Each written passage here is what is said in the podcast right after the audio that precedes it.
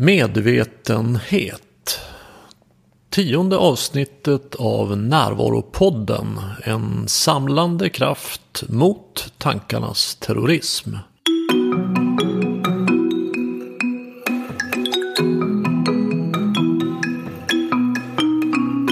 Det här är Bengt Renander och först vill jag puffa för en föreläsning om självförtroende som jag håller den 5 april vid 18.30.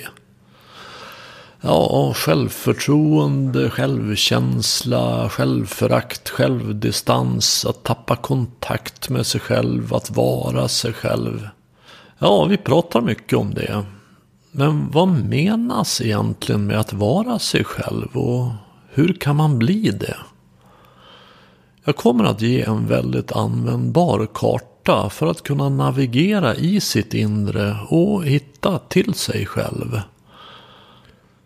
Det finns inget som sänker självförtroendet så effektivt som tankar. Tankarnas terrorism igen. Eh, jag kommer att ge några effektiva sätt att hantera negativa tankar om sig själv. Föreläsningen kostar 250 kronor och du anmäler dig under fliken En kväll om på min hemsida renander.nu. Det här är tionde avsnittet av Närvaropodden. Lite av ett jubileum. Det har verkligen varit roligt att göra de här avsnitten så det kommer säkert tio till.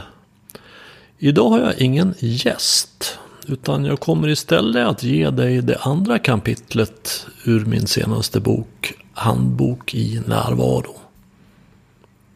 I det allra första avsnittet av podden så gav jag det allra första kapitlet i boken. Det om närvaro. Och jag kommer sen att ge ett nytt kapitel av boken i vart tionde avsnitt av podden. Så i avsnitt nummer 20 av podden så kommer kapitlet om att förlåta och att erkänna fel. I avsnitt 30 så kommer kapitlet om acceptans. I avsnitt 40 kapitlet om att släppa taget. Och i avsnitt 50 så kommer det sista kapitlet som heter Ett liv i närvaro.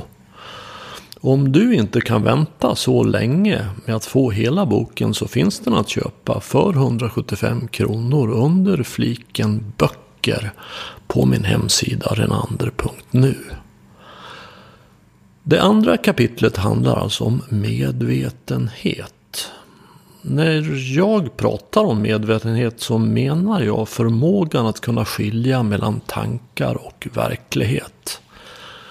Det är en förmåga, alltså något vi tränar upp. Och ju mer vi tränar, desto bättre blir vi.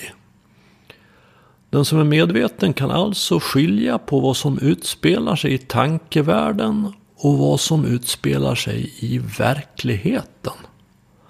Det handlar inte om att sluta tänka.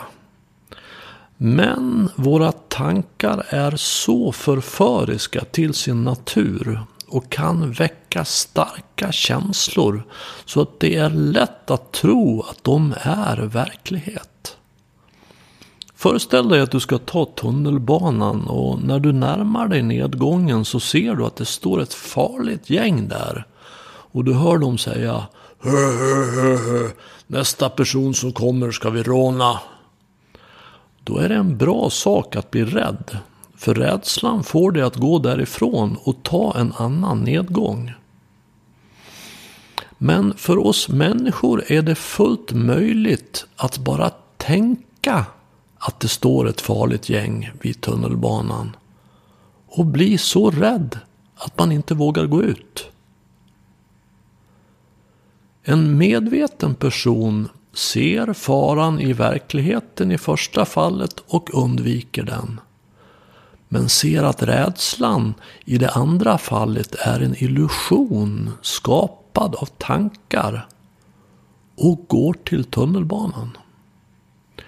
En omedveten person blir kvar hemma och vågar inte leva sitt liv helt och fullt.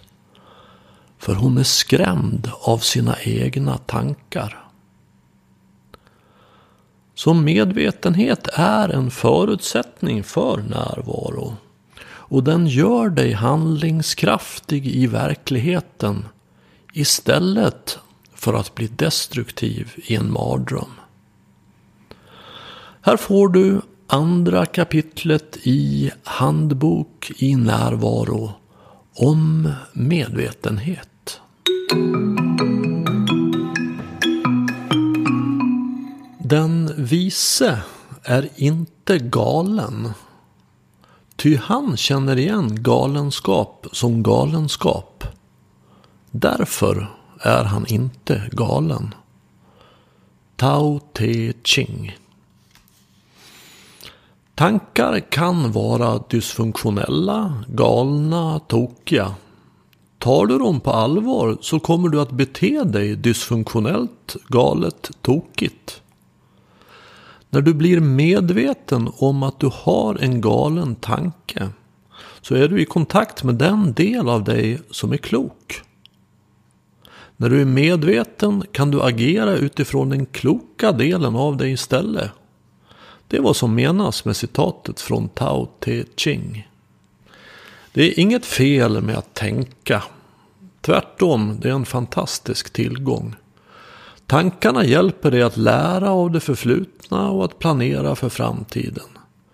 Med hjälp av intellektet kan du simulera och lösa problem. Det är härligt och kreativt att fantisera och drömma.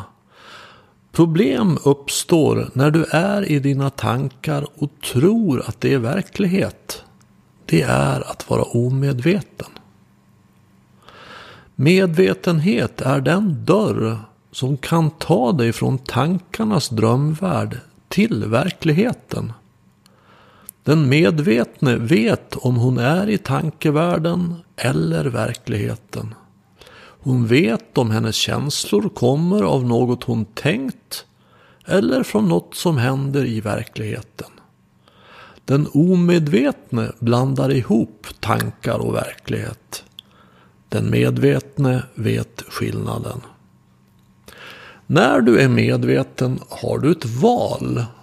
Du kan välja mellan att vara kvar i tankevärlden, den har sina förtjänster, eller så väljer du att komma med din uppmärksamhet till nuet.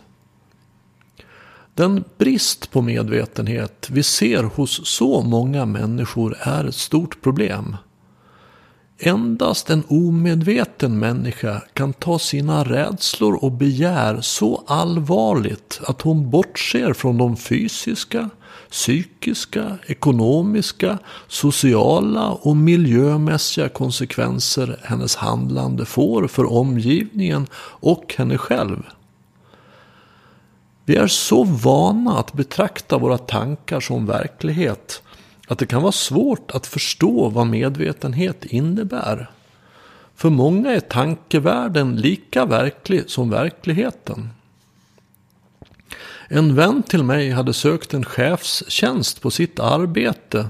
Men kollegorna baktalade honom för att förhindra att han skulle få den eftertraktade tjänsten. Detta detta sammanföll i tiden med att hans far gått bort. Vilket i sin tur lett till en infekterad arvstvist. Där han upplevde att systrarna gemensamt vände sig emot honom. För att han inte skulle få sin del av arvet. Trots all smärta i arbetskonflikten och i arvstvisten så var det ändå något annat som var det värsta för honom under denna svåra tid. Hans älskade undulat Polly tittade föraktfullt på honom när han kom hem från jobbet. Han hade köpt en fin bur. Han gav henne bra mat och ständig tillgång på färskt vatten. Trots det gav undulaten honom en lång och nedlåtande blick så fort han kom in genom dörren till sitt hem. Det var bara för mycket. Det är lätt att se att Pollys förakt inte fanns i verkligheten utan endast i min väns tankevärld. Men han upplevde det inte så. Egentligen behövde han bara inse att föraktet han såg i undulatens ögon fanns i hans tankar och inte hos undulaten. Det enda han behövde göra var att komma till verkligheten och se att där sitter en fågel på en pinne och bara ser på honom. Fågeln är en levande och vacker varelse, inte ett föraktfullt och nedlåtande väsen. Undulaten behövde inte skickas till en djurpsykolog och gå i terapi för att lära sig att behandla sin välgörare med respekt. Undulaten behövde inte fixas. Min vän behövde bara bli medveten om att han fastnat i sin tankevärld och sen vakna till nuet. Så småningom kom han ur sitt tankedrama. Han förstod då att problemet med Polly inte var något problem med Polly. Problemet var att hans tankar spelade honom ett spratt och att han tog dem på allvar. Han insåg dessutom att problemet på arbetsplatsen och i arvstvisten hade funnits i hans huvud på samma sätt som problemen med Polly.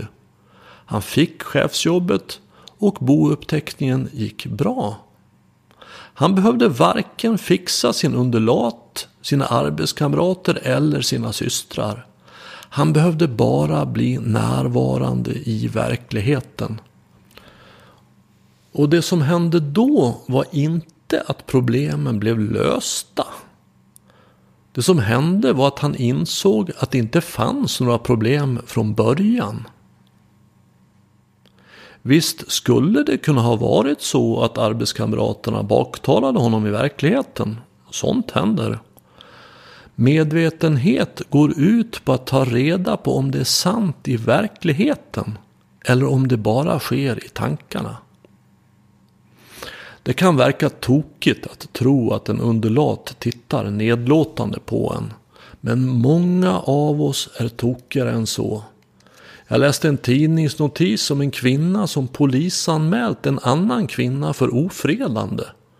De hade sprungit i samma motionsspår och kvinnan som hon mötte hade givit henne ett leende och hälsat när de möttes i spåret. Och det hade hon upplevt som kränkande.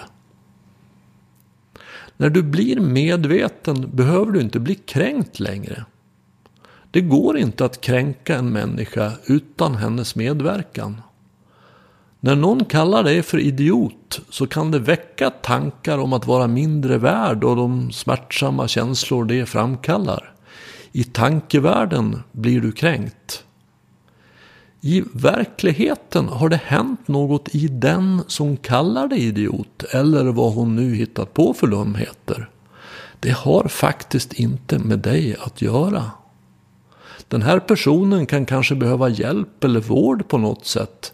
Men det finns ingen anledning för dig att ta det personligt eftersom det inte har med dig att göra. När du blir medveten finns ingen anledning att reagera som om det vore personligt. Då tappar den som kallar dig idiot sin makt över dig. Du hämtar hem makten till där den hör hemma. Hos dig. Medvetenhet innebär inte att vara immun mot kritik. Medvetenhet innebär att du inte behöver ta allt personligt. Som om det har med dig att göra. Du behöver heller inte slå allt ifrån dig. Som att inget har med dig att göra. När du är medveten kan du skilja på ditt och andras. Vad som sker i verkligheten och vad som sker i tankevärlden. Utifrån den medvetenheten kan du göra val. Jag ska ge dig tre metaforer som på ett tydligt sätt visar vad det innebär att vara medveten. I den första så liknar jag tankevärlden vid en dröm. I den andra blir tankevärlden som en biofilm. Och i den tredje representeras tankevärlden av en trasslig knut på en oxkärra. Tankevärlden som dröm. Jag hade under många år en återkommande mardröm om att jag och familjen hade flyttat. Till historien hör att jag tycker om att laga mat och vi hade renoverat köket där jag bodde till att bli precis som jag ville ha det. Mardrömmarna började alltid med att jag skulle titta på den nya lägenheten, den vi i drömmen hade bytt till. Jag hade inte varit med och valt lägenheten innan bytet utan ställdes inför fullbordat faktum. Jag hade en positiv inställning när jag tittade runt men när jag kom fram till köket brast det alltid. Köken såg olika ut i olika drömmar men de var alltid en katastrof. I någon dröm så var köket bara en garderob fylld med rör. I en annan fanns inget kök alls. I en tredje var det ett tomt betongrum utan fönster och inredning. När jag såg köken i drömmarna fick jag en sån fruktansvärd känsla av att ångra mig. Ångra att jag gått med på bytet av lägenhet. Mitt eget kök som jag tyckte så mycket om skulle jag ju aldrig kunna få tillbaks. Jag kunde vakna alldeles kallsvettig. Men när jag såg att jag vaknat i min lägenhet där mitt kök fanns så kände jag en oerhörd lättnad och tacksamhet. Det var bara en dröm. En gång låg lägenheten i mardrömmen i Göteborg och där fanns inget kök alls. Lägenheten var bara ett stort kalt rum. Jag fick den vanliga känslan av att ångra mig och i den här drömmen så tog vi en taxi för att bekanta oss med de nya omgivningarna. Det var en gul taxi av New York-typ och jag satt i framsätet och hade bytesångest.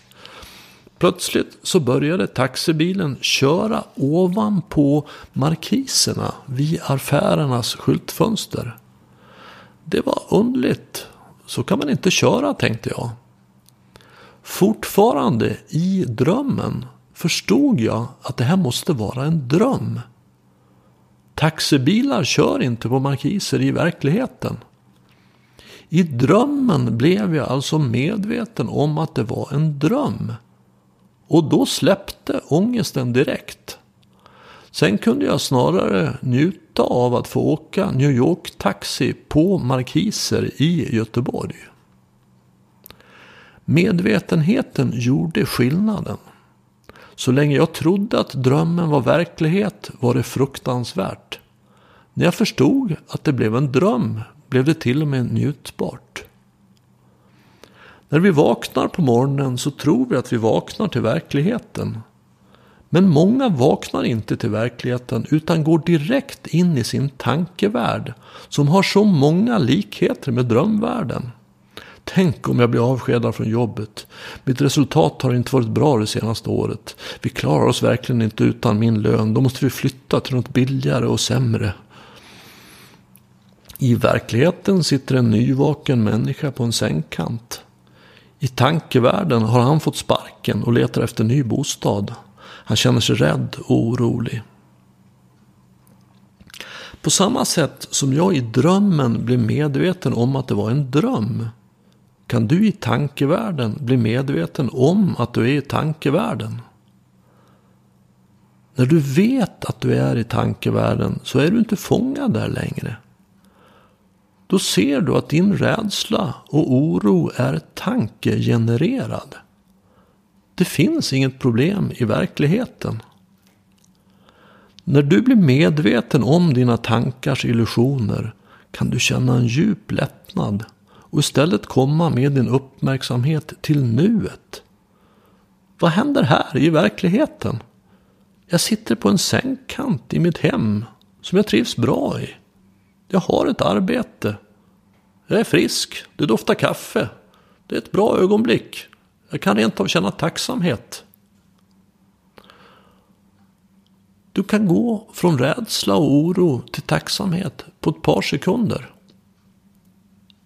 Visst är det så att vi behöver åtgärda saker i livet. Som till exempel att förbättra resultatet på jobbet. Vi behöver göra någonting åt det i verkligheten. Men att oroa sig för det i tankevärlden hjälper inte. Tankevärlden som en biograffilm. Tänk dig att du är på bio och ser en skräckfilm. I filmen ser du hur den läskiga mördaren är på väg in i en kvinnas hus. Och vad gör hon på övervåningen? Hon klär av sig naken och ställer sig i duschen. Nej! Klä genast på dig och ta fram en pistol, tänker du. Klipp mellan mördaren och kvinnan i duschen. Det är fruktansvärt skrämmande. Om det är bra gjort så kan du riktigt känna hur nackhåren reser sig och magen drar ihop sig. Egentligen är det bara ljusflimmer på en duk som finns framför dig. Men det har du glömt. Du fångas av illusionen att detta är verkligt och känner dig som om du vore en naken kvinna i en dusch som överfalls av en mördare. Väldigt rädd med andra ord. Det enda du behöver göra för att bryta illusionen är att se dig omkring där du är. Här sitter jag i en biofåtölj. Jag har en påse godis och en läsk i handen. Bredvid mig sitter min kompis. Här och nu finns inget farligt alls. En biograffilm är en bra liknelse för tankevärlden. Båda ägnar sig mycket åt berättelser av olika slag. Berättelsen om hur du kommer att göra bort dig på mötet. Om att du kommer att få drömjobbet. Berättelsen om att du aldrig kommer att träffa någon. Om att du kommer att träffa den perfekta partnern. Berättelsen om att du är onormal, om att du inte duger till. Om att du kommer att vinna högsta vinsten. Det pågår nästan alltid en föreställning i tankevärlden och även där är det olika genrer. Skräckfilm, drama, romantisk komedi, krigsfilm och kanske en och annan porrfilm. En biograffilm är ljusflimmer på en duk och tankar är elektriska urladdningar i hjärnan. Ingen av dem visar något verkligt. Men båda ger en övertygande illusion av att vara verkliga. Det som gör illusionen så stark i både filmer och tankar är att de väcker samma känslor som kommer av riktiga händelser. Rädslan du känner av att se en mördare överfalla en naken kvinna i en skräckfilm känns lik rädslan om det händer på riktigt. Rädslan vet inte om den kommer av en film, en tanke eller en verklig händelse. När känslan också manifesteras som fysiska förnimmelser blir illusionen ännu starkare. Jag känner ju tryck över bröstet och är svettig i händerna. Något farligt måste det ändå finnas här. När du kan skilja på det som händer på bio och det som händer i verkligheten är du på väg att bli medveten. När du kan skilja på det som händer i tankevärlden och det som händer i verkligheten är du medveten.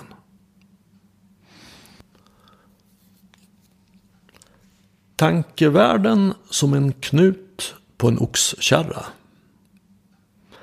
Enligt en gammal myt fanns det i den grekiska staden Gordion 300 år före Kristus en knut på en oxkärra som var så tilltrasslad att den verkade omöjlig att lösa. En spådom sa att den som lyckades lösa knuten skulle bli härskare över Asien. Många kände sig kallade till templet där knuten fanns. Knutens komplexa beskaffenhet gjorde att den som försökte trassla ut knuten snarare trasslade in sig själv och knuten förblev olöst. Fältherren Alexander den store hörde talas om den gordiska knuten och han åkte dit för att lösa den. Men även han misslyckades. Han blev då så frustrerad att han drog sitt svärd och högg i tu knuten. Och han insåg i samma ögonblick att knuten var löst. Alexander den store blev sen, som förutspått, härskare över Asien. Den här berättelsen har gett upphov till två uttryck. Det ena är gordisk knut, som står för något som är så tilltrasslat att det verkar omöjligt att reda ut. Det andra är Alexanderhugg, som innebär en drastisk, oväntad och oortodox lösning på ett svårt problem. Berättelsen om den gordiska knuten och Alexander den store handlar egentligen inte om en trasslig knut och en person som hugger i tuden med ett svärd. Den ger en instruktion om hur vi människor genom medvetenhet kan ta oss ur vårt inre drama och komma till närvaro. Den handlar om hur vi genom medvetenhet och närvaro kan leva våra liv som vi själva vill. Den gordiska knuten är i själva verket en symbol för våra trassliga tankar och inre känslomässiga röra. Vi är många som har konstaterat att denna röra kan vara svår, för att inte säga omöjlig, att reda ut. Trasslet kan se ut på oändligt många sätt. Men har ändå samma grundläggande tema. Tankar om det förflutna eller om framtiden. Dessa tankar väcker känslor som till exempel rädsla, längtan, oro, sorg, otålighet, hopp och ilska. Känslorna kan i sin tur väcka fysiska förnimmelser som till exempel magont, spänd nacke, huvudvärk, yrsel, svettningar. De fysiska förnimmelserna kan sedan väcka nya känslor som till exempel oro över magknipet. Känslan väcker nya tankar som kan väcka nya känslor och slutligen trasslar alla dessa tankar, känslor och fysiska förnimmelser in i varandra i en stor härva. Det är den gordiska knuten. Tankarna kring det förflutna kan till exempel handla om sånt du har drabbats av eller gjort dig skyldig till. Tankarna kring framtiden kan gälla precis vad som helst eftersom vad som helst potentiellt kan hända i framtiden. Vad tänker du om din framtid? Jag trodde att jag hade hört det mesta när en klient berättade att hon var rädd för att gravitationen skulle upphöra och att allt skulle lätta från marken. De tankar som skapar rädslor är ofta väldigt kreativa. Hugget med medvetenhetens svärd beskriver den enkla vägen till närvaro. Hugget symboliserar skiftet från ett till synes olösligt inre drama till att istället vara med uppmärksamheten i det innevarande ögonblicket. Hugget innebär att du blir medveten om att problemet bara finns i tankevärlden och inte i verkligheten. På samma sätt som när jag upptäckte att min flytt bara var i en dröm. Därmed upphör det att finnas som problem. Du behöver inte tänka ut någon lösning. Lösningen är att se igenom tankarna. Problemet var i själva verket att du trodde att dina tankar var verklighet. Att det är möjligt att få sina problem att försvinna på detta sätt är en insikt som är så revolutionerande att det är svårt att tro att det är sant. Om det finns en så kraftfull och ändå så enkel lösning på vanliga, stora och allvarliga problem, varför används den inte oftare? Svaret är enkelt. Vi har inte fått lära oss hur det går till. Vi har inte fått lära oss att svinga medvetenhetens svärd. I den västerländska kulturen får vi lära oss att lösa våra problem genom att tänka och känna. De två centrala frågorna är vad beror det på? Vad kan jag göra åt det? Och visst är tankar ett fantastiskt verktyg. Men de kan stå sig slätt när det gäller att lösa problem som uppkommit av just tankar. Istället gör de dramat värre. Alexanderhugget innebär en drastisk, oväntad och oortodox lösning på ett svårt problem. Det kostar inget och är möjligt att göra för alla, överallt, alltid. Men vi behöver lära oss hur det går till. Psykiatrikern Viktor Frankl, som var fånge i koncentrationsläger under andra världskriget, sammanfattade sig så här. Allt kan man ta ifrån människan. Utom en sak. Den yttersta friheten att välja förhållningssätt till det som livet för med sig. Hur tänker du kring det som sker? Är du medveten kan du välja. Är du omedveten blir du ett offer för dina tankar. William Shakespeare låter sin Hamlet säga. There is nothing either good or bad. But thinking makes it so. I legenden om den gordiska knuten säger spådomen att den som löser knuten blir härskare över främre Asien. Det var den kända delen av världen på den här tiden. Detta har också en symbolisk betydelse. Den som löser sitt inre trassel blir härskare över sig själv. Istället för att vara fångad i dina trassliga tankar och känslor så kan du göra som du själv vill. Det är det enda sanna härskardöme en människa kan ha. Att vara härskare över sig själv. Då är du fri. Det finns ingen krånglig och omständig, svår väg till närvaro. Det finns bara enkla vägar. Alexanderhugget är en sån. Att bryta tankarna plötsligt och komma till nuet. Det går inte att tänka eller känna sig till närvaro eftersom det håller oss kvar i trasslet. Att vara närvarande är egentligen väldigt enkelt.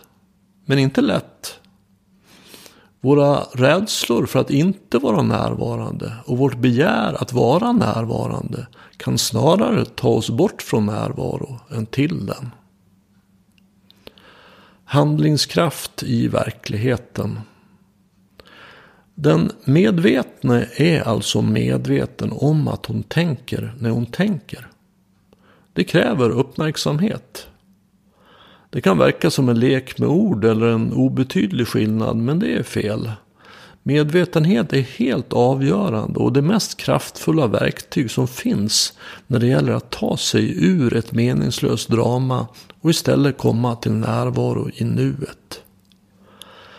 Den som är omedveten är inte uppmärksam på att känslan av rädsla endast kommer ur en tanke. Utan reagerar som om det faktiskt händer något farligt just nu. Rädslan framkallar fysiska stressreaktioner. Den som står i kulissen och tänker på att hon kommer att göra bort sig när hon ska gå in för att hålla ett föredrag blir rädd. Hon får samma fysiska symptom som den som faktiskt har gjort bort sig. Som svettningar, skakningar eller darrig röst. I detta tillstånd kommer hon in på scenen. Rädslan blir då självuppfyllande. Varken när hon stod i kulissen eller när hon kom in på scenen fanns någon fara där i verkligheten. Det var hennes egna tankar som skrämde. Eftersom hon var omedveten trodde hon att det hände något farligt på riktigt. Hon blev rädd och fick fysiska symptom på rädsla. Hon var inte uppmärksam på att hon egentligen förlorat sig i tankar. Det kan verka självklart att man kan skilja sina tankar från verklighet. Men de flesta människor kan inte det. De är omedvetna. De gör ingen skillnad på tankar och verklighet.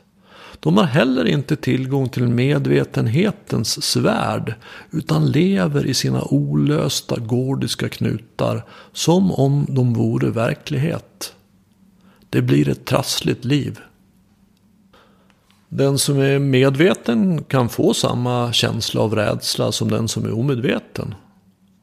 Den omedvetna tror att hon befinner sig i en farlig situation. Den medvetna vet att rädslan kommer av tankar och inte av något som sker i verkligheten. Hon behöver inte agera på rädslan. Hon trasslar inte in sig i knuten. Hon använder sin medvetenhet till att istället komma till nuet och blir handlingskraftig i verkligheten. Istället för destruktiv i en mardröm.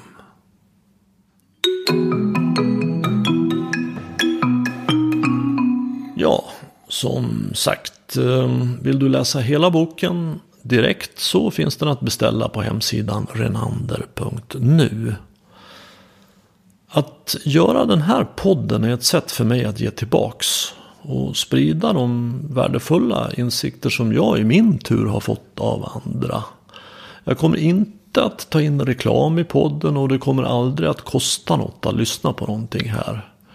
Vill du stödja podden i kampen mot tankarnas terrorism så gör det genom att tipsa om att den finns till vänner och bekanta. Vet du någon som arbetar med att stödja andras närvaro och som du tycker borde vara med här så tveka inte att kontakta mig. Enklast gör du det via kontaktformuläret på min hemsida renander.nu. På återhörande. Och du, var uppmärksam.